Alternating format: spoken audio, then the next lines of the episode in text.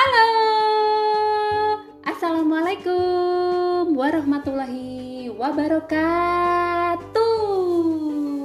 Selamat datang, selamat datang di podcast keluarga Anggur. Sebuah podcast yang berisi tentang pembahasan yang ringan, santai, ya, yang easy-easy, ya, yang sederhana uh, tentang parenting dan juga keluarga yang saya selalu berharap semoga dari pembahasan yang santai dan ringan tentang parenting dan keluarga ini bisa ada hikmah yang kita ambil bersama untuk kita jadikan bekal ya untuk jadi orang tua yang terbaik untuk anak-anak kita. Nah, gimana kabarnya para ayah ya, para bunda juga dan calon-calon ayah, calon-calon bunda di mana pun berada. Semoga semua kabarnya baik, sehat, uh, semua serba cukup tanpa kurang suatu apa pun. Amin ya robbal alamin. Masih bersama dengan saya Izur di sini di podcast Keluarga Anggur season yang keempat dan kita sudah sampai di episode yang ke 8. Nah, season keempat ya itu tema besarnya masih seputar belajar parenting dari pet. Nah, kita akan coba menggali hikmah ya, mungkin pelajaran, insight-insight yang bisa kita dapatkan uh, dari memiliki hewan peliharaan yang itu bisa kita jadikan bekal kita mengasuh anak-anak kita. Karena ternyata banyak sekali hikmah yang bisa diperoleh kalau kita punya hewan peliharaan, terutama kaitannya dengan uh, parenting atau menjadi orang tua dan mengasuh anak-anak.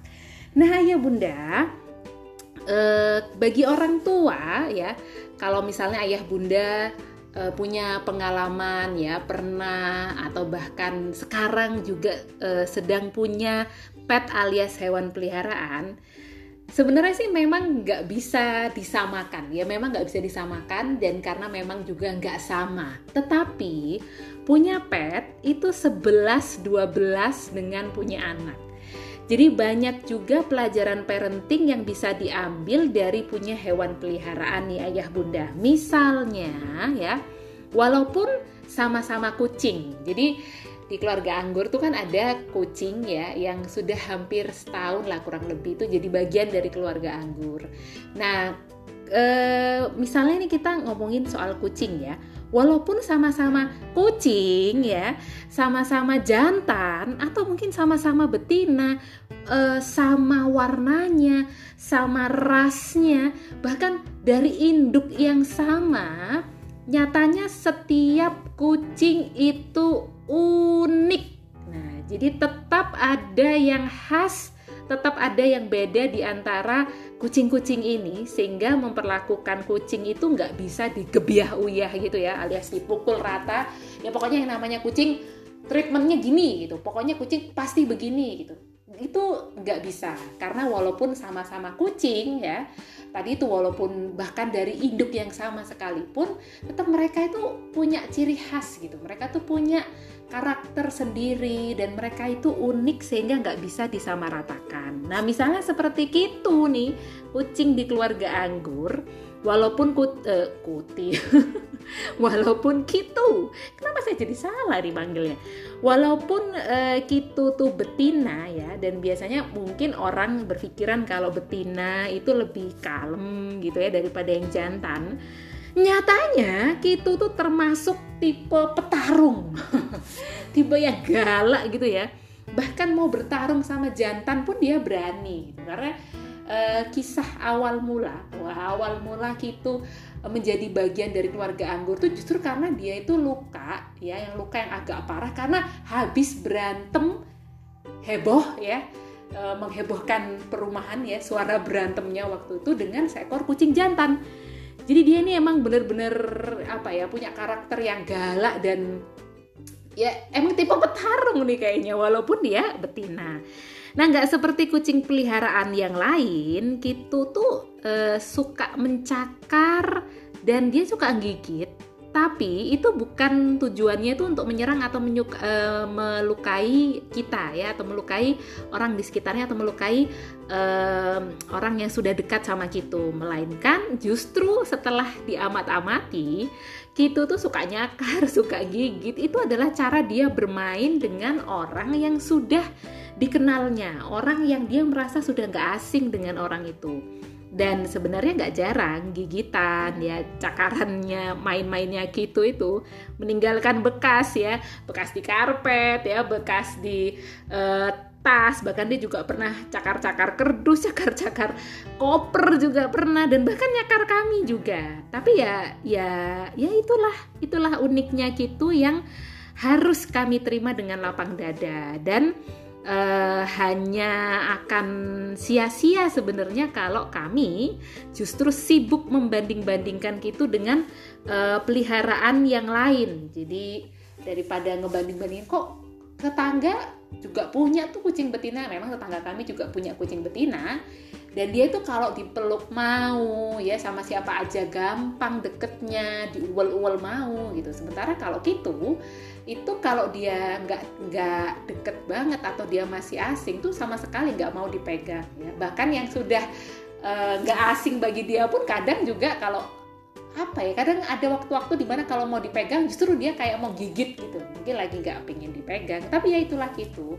Itulah uniknya gitu yang bisa jadi nggak sama dengan kucing-kucing lainnya, kucing betina lainnya. Dan ya itulah yang harus kami terima karena sudah uh, apa ya harus sudah menganggap bahwa itu tuh bagian dari keluarga kami dan itu harus diterima dengan lapang dada apa adanya gitu alias kucing di keluarga anggur. Nah, ini 11 12 sama punya anak sebenarnya ya. Kita tentu tahu bahwa dan ini harus uh, apa ya harus ditanamkan betul-betul bahwa setiap anak itu unik nggak ada anak yang sama persis luar dalamnya itu nggak ada. Sekalipun dia misalnya dari luar mungkin kembar identik ya. Kalau kembar identik itu kan mungkin kita susah ngebedainnya. Tapi bahkan kembar pun itu tetap ada bedanya tetap ada keunikannya tetap ada yang khas uh, sekalipun itu di anak kembar. Apalagi kalau misalnya nggak kembar ya jadi setiap anak itu unik ayah bunda. Tugas kita adalah mengenali ya uh, anak kita ini karakternya kayak gimana ya. Dia tuh kalau mau mengungkapkan sesuatu tuh dengan cara yang gimana.